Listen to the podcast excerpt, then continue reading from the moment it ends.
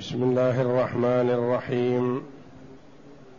الحمد لله رب العالمين. والصلاة والسلام على نبينا محمد وعلى آله وصحبه أجمعين. وبعد. بسم الله. أعوذ بالله من الشيطان الرجيم. فاستفتهم ألربك البنات ولهم البنون. أم خلقنا الملائكة إناثا وهم شاهدون؟ ألا إنهم من إفكهم ليقولون ولد الله وإنهم لكاذبون؟ أصطفى البنات على البنين. ما لكم كيف تحكمون؟ أفلا تذكرون أم لكم سلطان مبين فأتوا بكتابكم إن كنتم صادقين وجعلوا, وجعلوا بينه وبين الجنة نسبا ولقد علمت الجنة إنهم لمحضرون سبحان الله عما يصفون إلا عباد الله المخلصين. هذه الآيات الكريمة من سورة الصافات. يخاطب الله جل وعلا عبده ورسوله نبينا محمدا صلى الله عليه وسلم قائلا له فاستفتهم ألربك البنات ولهم البنون؟ لما كانت قريش وبعض قبائل العرب يزعمون أن الملائكة بنات الله تعالى الله. قال الله جل وعلا لمحمد صلى الله عليه وسلم فاستفتهم على سبيل التوبيخ والتقريع لهم.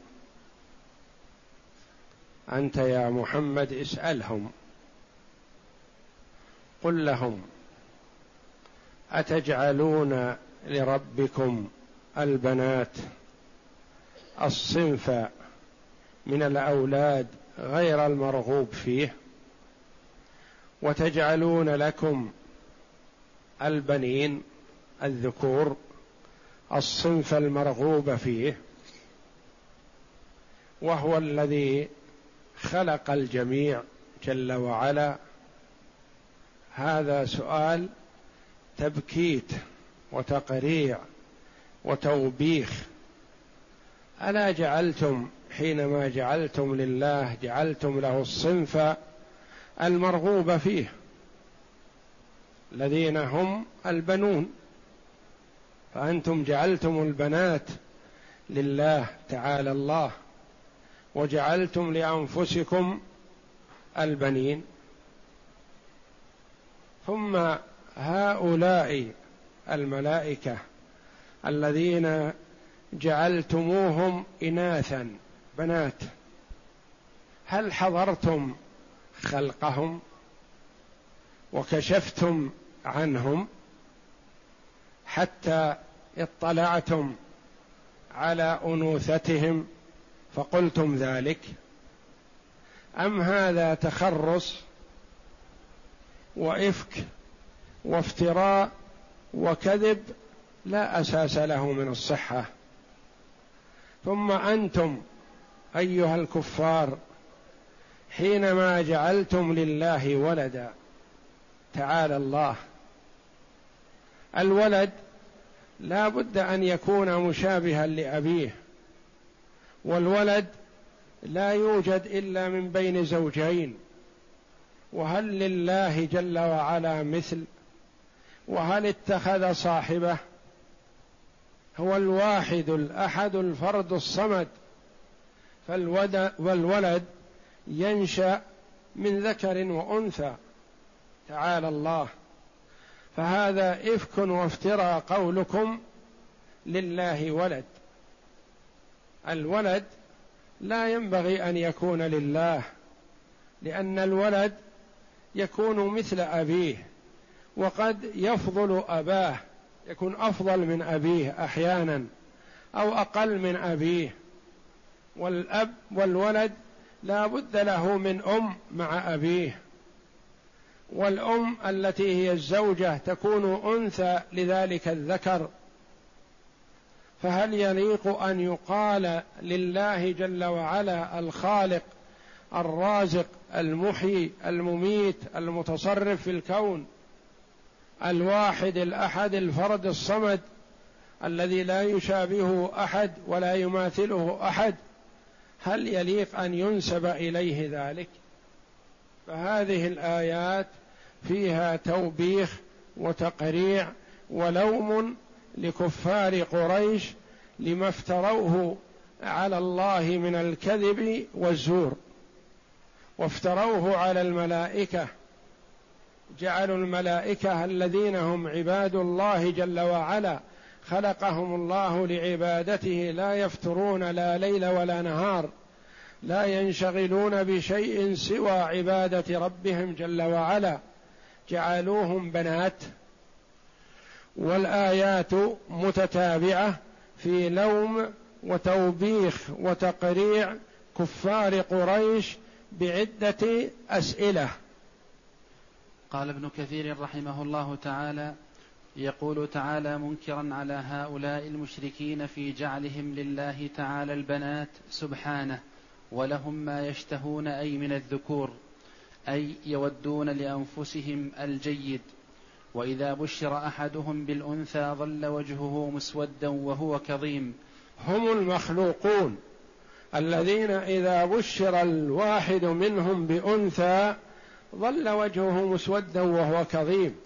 يتوارى من القوم من سوء ما بشر به أيمسكه على هون أم يدسه في التراب؟ هم لا يرضون ولا يحبون لأنفسهم البنات ويجعلونها لله. نعم.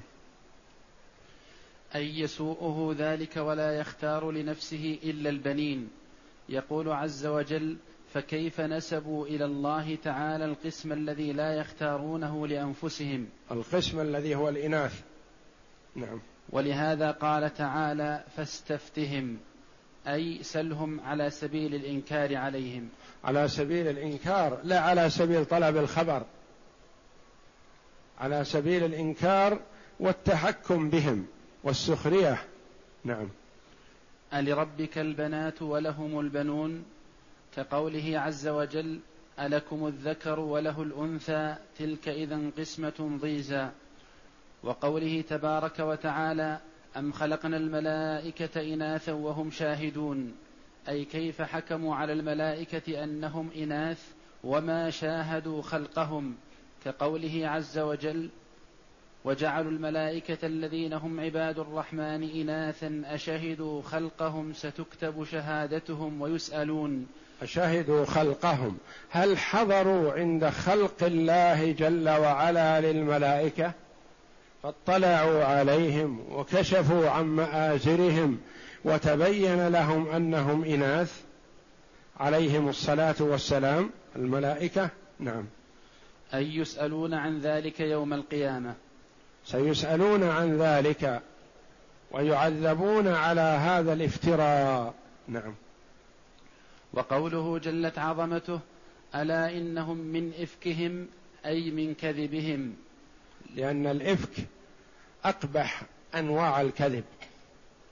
كما قال الله جل وعلا إن الذين جاءوا بالإفك عصبة منكم لا تحسبوه شرا لكم بل هو خير لكم لكل امرئ منهم ما اكتسب من الإثم. حينما افتروا وكذبوا على عائشة رضي الله عنها التي برأها الله من فوق سبع سماوات فهي حصان رزان رضي الله عنها الصديقة بنت الصديق. كمل من الرجال كثير ولم يكمل من النساء إلا أربع. وفضل عائشة على النساء كفضل الثريد على سائر الطعام. فهي الصديقة بنت الصديق ومع ذلك ما سلم منها المنافقون والأفاكون والكذابون افتروا عليها الكذب فطهرها الله وزكاها ونقاها بقرآن يتلى إلى يوم القيامة شهادة بفضلها وكمالها رضي الله عنها وكمال بيتها الذي نشأت فيه بيت الصديق رضي الله عنه وأرضاه. نعم. ليقولون ولد الله أي صدر منه الولد وإنهم لكاذبون.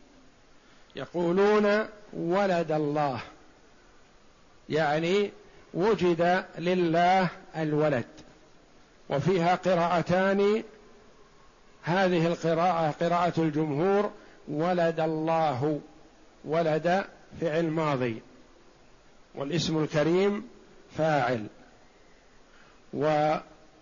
والقراءة الثانية ولد الله ولد على أنه اسم. ليست ولد فعل وإنما ولد الله. ولد مضاف والاسم الكريم مضاف إليه. قالوا ولد الله كأنهم قالوا الملائكة ولد الله. وكلمة ولد تطلق على الذكر والأنثى والمفرد والمثنى والجمع الذكور والإناث. تقول هؤلاء ولد زيد وتقول هذا ولد زيد وتقول هذان ولد زيد. وتقول هذه ولد زيد. وتقول هاتان ولد زيد. وتقول أولئك ولد زيد. وهكذا. فكلمة ولد بمعنى مولود يعني مفعول تطلق على الجميع. ولهذا قال الله جل وعلا يوصيكم الله في أولادكم. فكلمة الأولاد تشمل الذكور والإناث وكلمة ولد تشمل المفرد والمثنى والجمع للمذكر والمؤنث. لأنه بمعنى مولود. ولد الله يعني على أن ولد فعل ماضي. ولد الله. والقراءة الأخرى ولد الله. الأولى ولد ولد الله. ولد فعل ماضي. الثانية ولد الله. ولد على أنها اسم. يعني الملائكة ولد الله. فذكر عنهم تعالى في الملائكة ثلاثة أقوال في غاية الكفر والكذب. فأولا جعلوهم بنات الله فجعلوا لله ولدا تعالى وتقدس. وجعلوا ذلك الولد أنثى ثم عبدوهم يعني الافتراءات التي حصلت منهم متعددة. اولا نسبة الولد إلى الله جل وعلا وهذا افتراء وكذب. الثاني أنهم جعلوا ولد الله الملائكة. الثالث أنهم جعلوه اناثا. جعلوا أولاد الله ولد الله الإناث. وهم لا يرضون الإناث لأنفسهم. وجعلوها لله تعالى الله. ثم عبدوهم من دون الله تعالى وتقدس. وكل منها كاف في التخليد في نار جهنم. يعني لو زعموا أن الله ولد فذلك كفر بالله جل وعلا وموجب للخلود في النار. زعموا أن الملائكة بنات الله كفر وموجب للخلود في النار. زعموا أن الملائكة بنات إناث. فذلك كفر لأنه تكذيب للقرآن تكذيب للرسل كفر وموجب للخلود في النار. يعني واحدة من هذه الثلاث تكفي في كفرهم واستحقاقهم العذاب الأليم. ثم قال تعالى منكرا عليهم أصطفى البنات أصطفى البنات على البنين. أي أي شيء يحمله على أن يختار البنات دون البنين. أصطفى. أ الهمزة هذه يصح أن تكون للاستفهام. كأنه يقول هل اصطفى هل اختار الله البنات على الأولاد؟ أصطفى. اصطفى بمعنى اختار وفضل وأخذ الصفوة يعني الخيار. اصطفى البنات على البنين. يعني هل اختار الله جل وعلا حينما اتخذ الولد هل اختار الإناث؟ على الذكور وأنتم لا ترضون البنات لكم. فالهمزة هنا يصح أن تكون همزة الاستفهام ويصح أن تكون همزة الوصل وهمزة الاستفهام مفهومة. منوية فقط ويصح أن يكون التوبيخ واللوم بغير استفهام كما في قول الله جل وعلا لهم أذهبتم طيباتكم في حياتكم الدنيا. فأصطفى يصح أن تكون الهمزة همزة وصل والاستفهام منوي. ويصح أن تكون الهمزة همزة استفهام وهمزة الوصل داخله ضمنها ويصح أن تكون الهمزة للاستفهام الهمزة للوصل و ولا استفهام وإنما توبيخ بدون استفهام. كما قال الله جل وعلا أذهبتم طيباتكم في حياتكم الدنيا. هذا توبيخ للكفار وليس فيه استفهام. كقوله عز وجل أفأصفاكم ربكم بالبنين واتخذ من الملائكة إناثا إنكم لتقولون قولا عظيما. يعني قولكم هذا إفك عظيم وافتراء. كذب على الله. اختار الله لكم البنين أعطاكم إياهم هو المعطي جل وعلا وأعطاكم البنين. واتخذ هو الإناث. تعالى الله. نعم. ولهذا قال تبارك وتعالى ما لكم كيف تحكمون؟ ما لكم كيف تحكمون؟ فيها استفهامان. ما لكم هذا استفهام جملة استفهامية. كيف تحكمون؟ استفهام آخر. ما لكم. ما الذي بكم؟ ابكم جنون. ما حملكم على هذا القول إلا الجنون وضعف العقل. ما الذي حدث بكم؟ أين عقولكم؟ ثم الاستفهام الثاني كيف تحكمون هذا الحكم؟ هل يليق أن يصدر هذا الحكم من عاقل؟ هذا حكم شطط. تختارون لكم البنين وتجعلون لله البنات. فالجملة الآية فيها استفهامان. ما لكم ما الذي حدث بكم ثم الاستفهام الثاني كيف تحكمون؟ كيف تحكمون هذا الحكم؟ نعم. أي ما لكم عقول تتدبرون بها ما تقولون؟ أفلا تذكرون أم لكم سلطان مبين؟ أفلا تذكرون؟ أصلها أفلا تتذكرون. بتاءين أين عقولكم؟ أين تفكركم؟ أين تذكركم؟ تقولون هذا القول كيف تجرؤون أن تقولوا هذا القول وتزعمون أنكم عقلاء؟ أفلا تتذكرون؟ أفلا تخافون الله حينما تقولون هذا القول أن يسارع لكم بالعقوبة أفلا تذكرون وفيها ترغيب لهم في التذكر بعد اللوم والتوبيخ يمكنكم التذكر يمكنكم الرجوع. أفلا تتعظون أفلا ترجعون إلى الله وتتوبون عما تقولون من هذا القول الشطط. نعم. أم لكم سلطان مبين أي حجة على ما تقولونه فأتوا بكتابكم إن كنتم صادقين. هذا لا يخلو. إما أنكم أدركتم هذا الشيء هذا بالمشاهدة الحسية.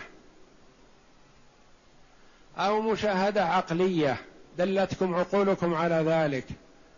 أو عندكم حجة نقلية من الرسل نزلت من السماء بأن الملائكة بنات الله تعالى الله هل في شيء من هذا؟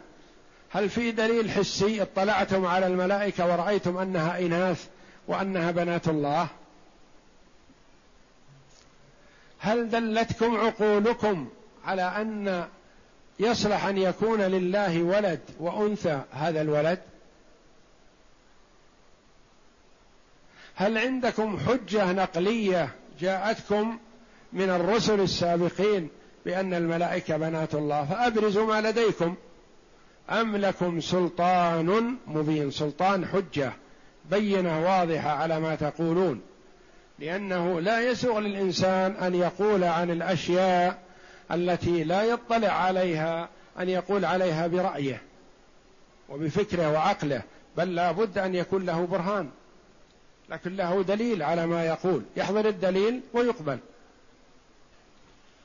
أي هاتوا برهانا على ذلك يكون مستندا إلى مستندا إلى كتاب منزل من السماء عن الله تعالى أنه اتخذ ما تقولونه فإن ما تقولونه لا يمكن استناده إلى عقل بل لا يجوزه العقل بالكلية. العقل لا يجوزه.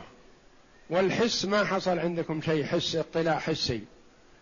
بقي البرهان الدليل من الرسل السابقين. جاءكم خبر من الرسل السابقين بأن الملائكة بنات الله فأبرزوا ما لديكم من دليل. كما تقول لصاحبك مثلا إذا قال حكما شرعيا تقول أريد الدليل على ما تقول من الكتاب أو السنة. وقوله تعالى وجعلوا بينه وبين الجنة يعني فأتوا بكتابكم إن كنتم صادقين. فأتوا بدليلكم. ائتوا بالدليل الذي تستدلون به على أن الملائكة بنات الله. إن كنتم صادقين فيما تقولون. فإذا لم تأتوا بالدليل فتبين أنكم كاذبون فيما تقولون. نعم. وقوله تعالى وجعلوا بينه وبين الجنة نسبا. وجعلوا بينه.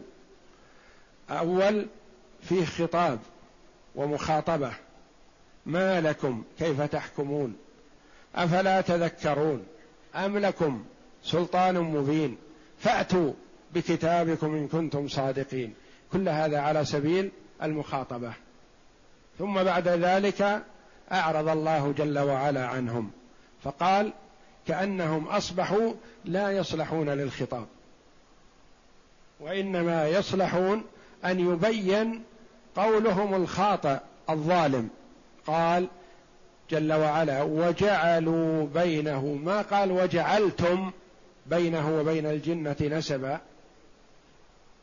غير الأسلوب لأنهم أصبحوا غير صالحين لأن يخاطبوا. فيه التفات للغيبة للإيذان بانقطاعهم عن درجة الخطاب. أنهم لا يصلحون للخطاب ومقتضى حالهم أنه يعرض عنهم ولا يخاطبونهم. فقال الله جل وعلا وجعلوا بينه وبين الجنة نسبا. الجنة في قول جمهور المفسرين الملائكة. وسموا بهذا الاسم جنة لأنهم لا يرون بالأعين. وقيل لأنهم خزان الجنة. وقيل الجنة طائفة من الملائكة ليسوا كل الملائكة. طائفة وبطن من بطون الملائكة يقال لهم الجنة لأنهم لا يرون. قال مجاهد هم بطن من بطون الملائكة. يقال لهم الجنة. وقال أبو مالك إنما قيل لهم الجنة لأنهم خزان على الجنان. والنسب الصهر يعني جعلوا بينه وبين الجنة نسبا. قال ابن عباس رضي الله عنهما زعم أعداء الله أنه تبارك وتعالى هو وإبليس أخوان. تعالى الله عما يقول الظالمون علوا كبيرا. وقال مجاهد والسدي ومقاتل إن القائل بذلك يعني جعلوا بينه وبين الجنة نسبا إن القائل بذلك كنانة وخزاعة من طوائف العرب. قالوا إن الله خطب إلى سادات الجن فزوجوه من سروات بناتهم فالملائكة بنات الله من سروات بنات الجن. سروات يعني رفاع وعزيزات بنات الجن. تعالى الله عما يقولون علوا كبيرا. وقال الحسن اشركوا الشيطان في عبادة الله فهو النسب الذي جعلوه. يعني جعلوه شريكا لله. نعم. وجعلوا الملائكة وجعلوا بينه. وجعلوا بينه وبين الجنة نسبا. قال مجاهد قال المشركون الملائكة بنات الله تعالى الله. فقال أبو بكر رضي الله عنه فمن أمهاتهن؟ قالوا بنات سروات الجن. يعني قال لما قال المشركون لأبي بكر رضي الله عنه الملائكة بنات الله. قال طيب من أمهاتهم؟ من أمهات هذه البنات؟ قالوا بناته سروات بنات الجن يعني عزيزات بنات الجن هن أمهات الملائكة. تعالى الله جل وعلا عن هذا التخبط المظلم. نعم. وكذا قال قتاده وابن زيد ولهذا قال تبارك وتعالى ولقد علمت الجنة أي الذين نسبوا إليه أي الذين نسبوا إليه ذلك.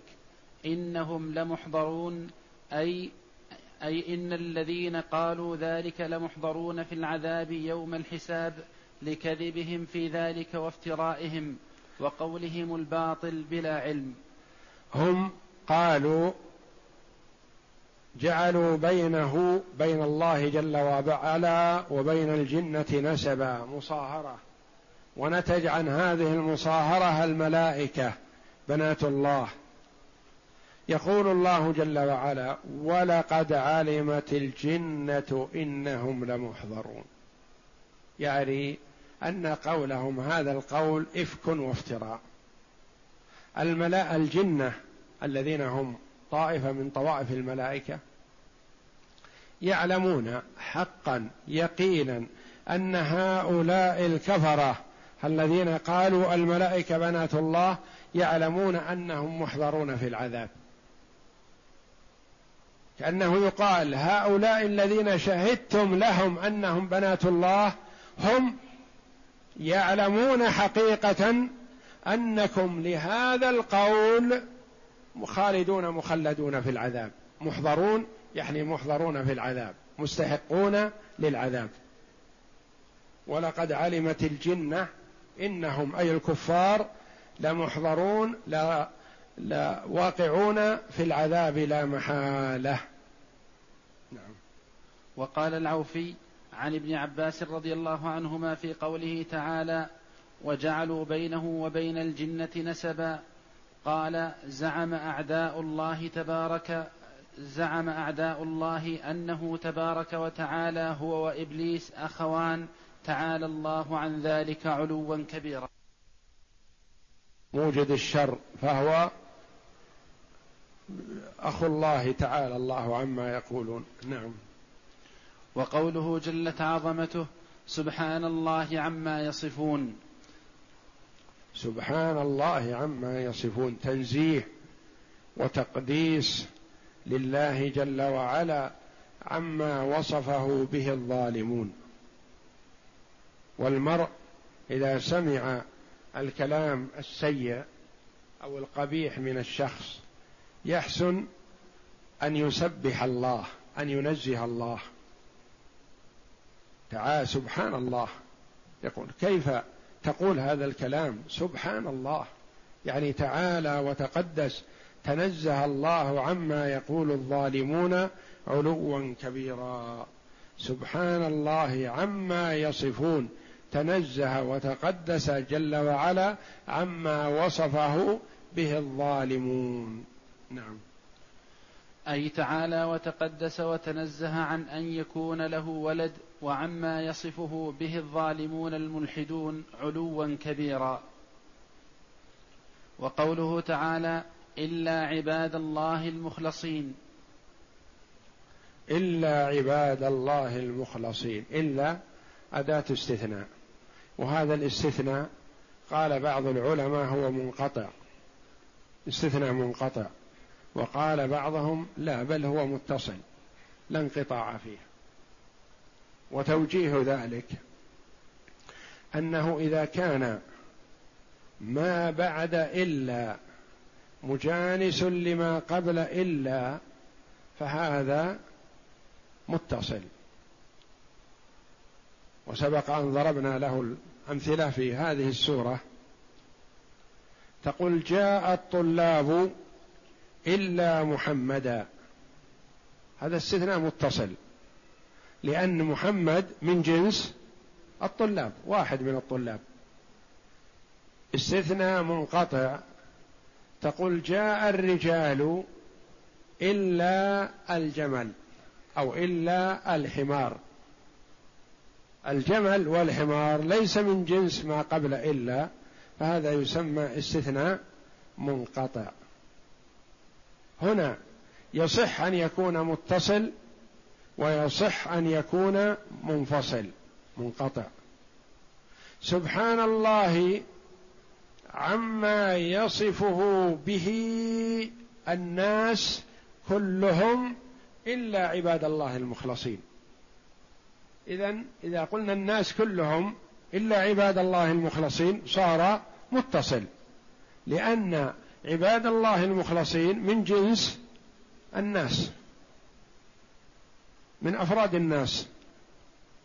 سبحان الله عما يصفه به الواصفون عموما.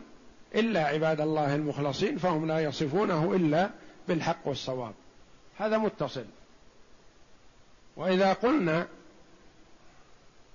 سبحان الله عما يقوله الكافرون إلا عباد الله المخلصين صار الاستثناء منقطع.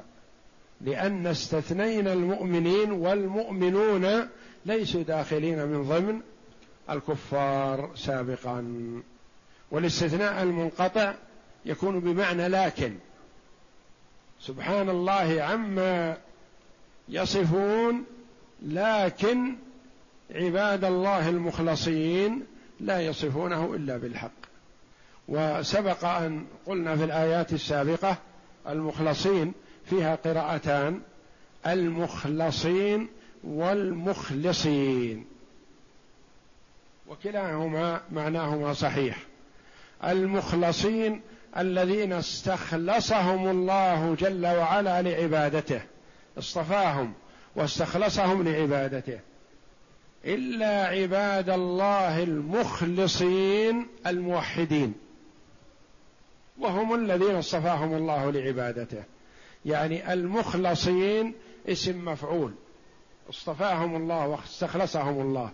المخلصين اسم فاعل أي اخلصوا العبادة لله تعالى. إلا عباد الله المخلصين استثناء منقطع وهو من مثبت. إلا أن يكون الضمير قوله تعالى عما يصفون عائد إلى الناس جميعهم ثم استثنى منه يعني إذا صار عام الضمير في يصفون عام للمسلمين والكفار ثم استثنى عباد الله المخلصين يكون متصل. وإذا كان المراد عما يصفون الكفار فيكون الاستثناء منقطع. نعم. نعم. إلا أن يكون الضمير قوله تعالى عما يصفون عائد إلى الناس جميعهم ثم استثنى منهم المخلصين وهم المتبعون للحق المنزل على كل نبي مرسل. والله أعلم وصلى الله وسلم وبارك على عبد ورسول نبينا محمد وعلى آله وصحبه أجمعين.